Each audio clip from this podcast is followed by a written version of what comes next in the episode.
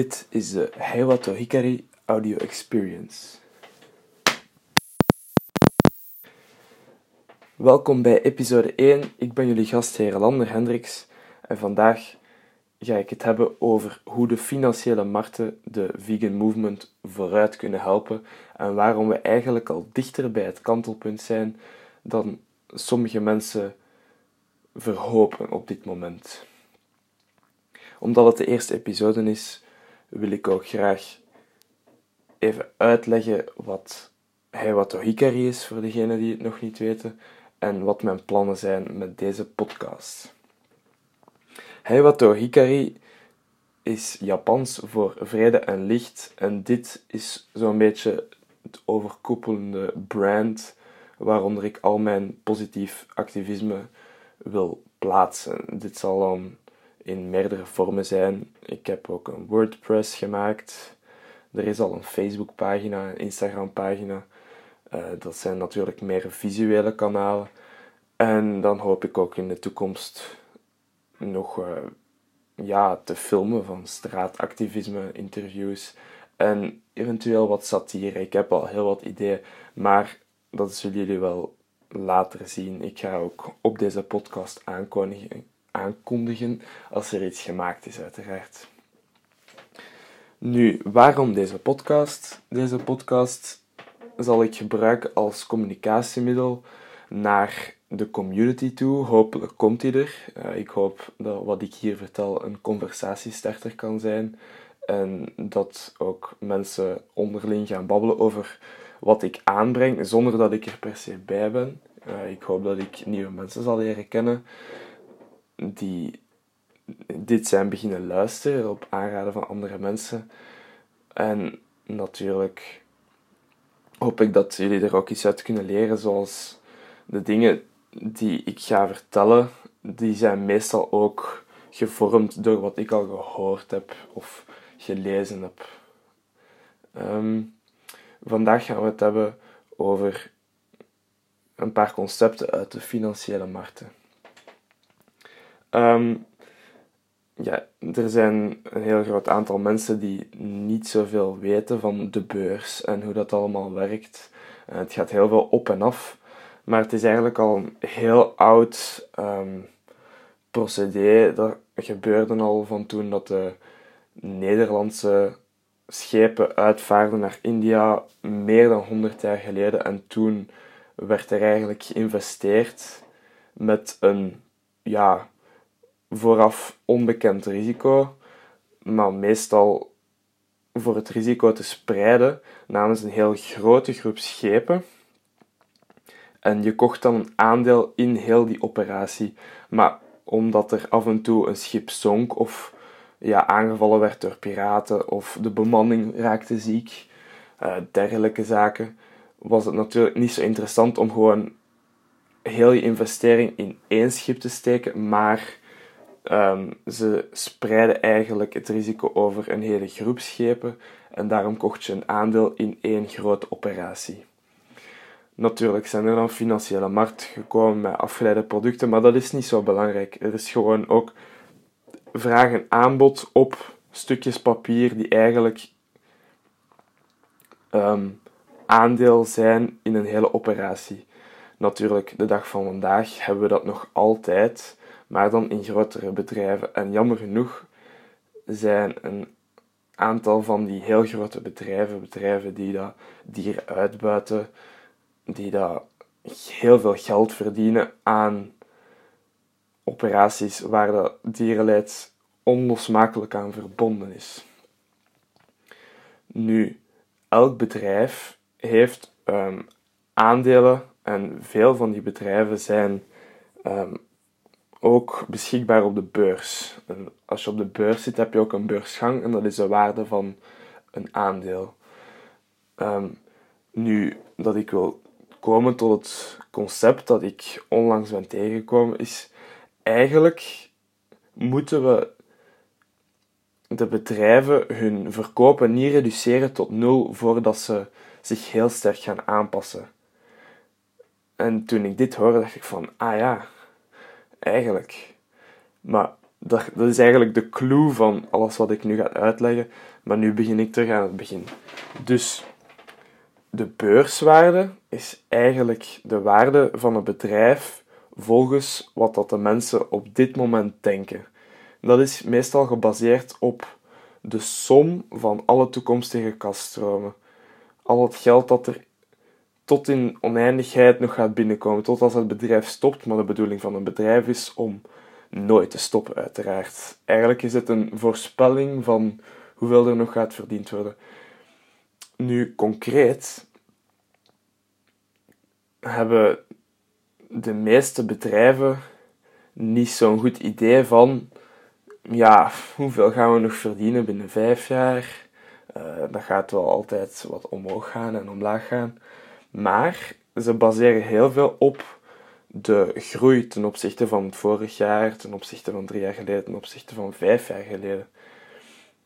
Um, natuurlijk heb, is er ook een deel gebaseerd op hoeveel winstmarge je maakt. Dus wat zijn uh, je winst dat je maakt en hoeveel heb je eigenlijk van kosten gedaan voor um, die winsten te boeken.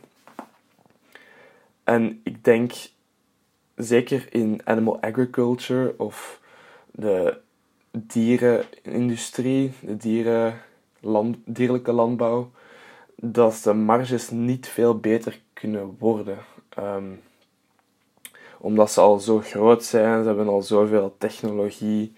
Um, de dieren zijn al zo gemanipuleerd dat ze eigenlijk ja, machines zijn. Um, de marges gaan niet veel beter meer worden.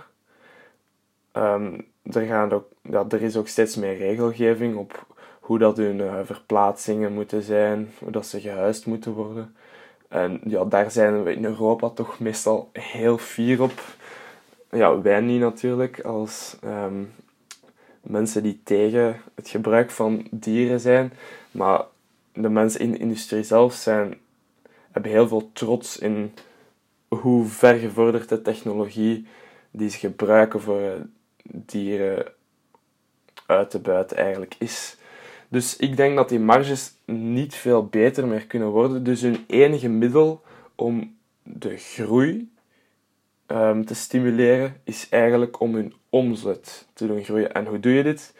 Gewoon andere bedrijven opkopen, nog meer produceren, nog meer producten op de markt brengen. En ja, een woord hiervoor is consolidatie. Dat er eigenlijk van het aantal boerderijen dat er zijn, dat er nog meer onder dezelfde hoofdbaas vallen eigenlijk. Um, nu, het ding is, die groei, daar, daar zit een limiet op. En eens dat we die groei kunnen dempen of tot nul krijgen, of zelfs negatief kunnen krijgen, wat dat wel gaat gebeuren, waarschijnlijk met zuivelproducten en vlees, um, dan gaan ze steeds meer moeten compenseren door meer bedrijven op te kopen. Maar natuurlijk gaan ze niet zo geneigd zijn als hun groei begint af te zwakken of negatief begint te worden. Ze, ze zijn aan het krimpen in hun omzet, in hoeveel geld dat er binnenkomt van iedereen die, waaraan dat ze producten leveren. Dan gaan ze niet per se geneigd zijn om nog een zuivelboerderij op te kopen of nog meer vlees te gaan produceren. Ze gaan waarschijnlijk bedrijven willen opkopen die wel aan het groeien zijn. Je hebt ook um, binnen de accounting heb je break-even analyse. Dat is eigenlijk hoeveel units dat je van, of hoeveel eenheden dat je van iets moet verkopen voordat je eigenlijk geen winst maakt of verlies maakt. Dus je hebt altijd een investering, je hebt altijd um, een deel kosten dat je moet maken. En hoeveel eenheden moet je eigenlijk verkopen vooraleer dat je geen winst en geen verlies meer maakt. Wanneer dat het break-even is, wanneer dat het nul is. Eigenlijk zitten die bedrijven procentueel niet zoveel boven dat break-even punt, maar omdat ze gewoon zo groot zijn, dan is 5% erboven zitten, 5% boven het aantal units dat je minstens nodig hebt voor geen winst of verlies te maken, dan komt dat ook op miljarden of miljoenen neer.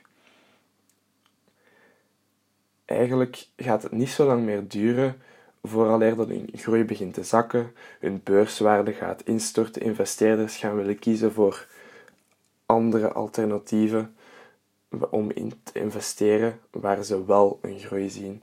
En ja, eigenlijk zal heel het kaartenhuis instorten van zodra dat uh, hun laatste marges, margeoptimalisaties uitgeperst zijn, wanneer dat er eigenlijk negatieve groei komt in dierlijke producten en wanneer ze geen winstgevende um, bedrijven meer gaan kunnen opkopen die dieren gebruiken. Het kaartenhuis zal instorten en waar gaat al dat geld naartoe gaan als zij voedingsbedrijven zijn?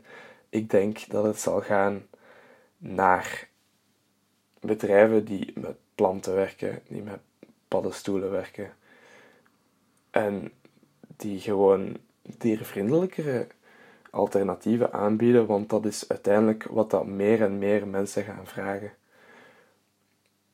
Om als investeerder risico te verminderen, doen mensen met heel veel geld aan diversificatie. En om het op een uh, ja, dier, uh, dier uitbuiten, om een dier uitbuiten spreekwoord te gebruiken, ze hebben al hun eitjes in één mandje. All their eggs in one basket.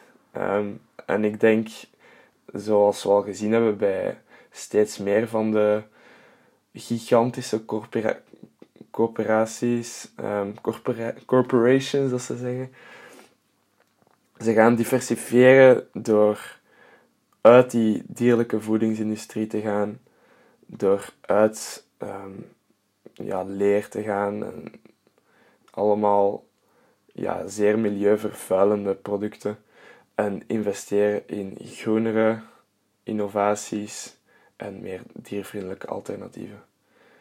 Dus we moeten ze niet reduceren tot nul hun verkopen. We moeten ze gewoon genoeg doen afnemen zodat de innovaties, zodat de nieuwe, groenere, diervriendelijkere opties, dat daarin investeren ineens veel interessanter wordt. En ik denk dat we daar niet zo ver vanaf zijn. Dit was episode 1. Bedankt om te luisteren. Ik was jullie gastheer Lander Hendricks en tot de volgende.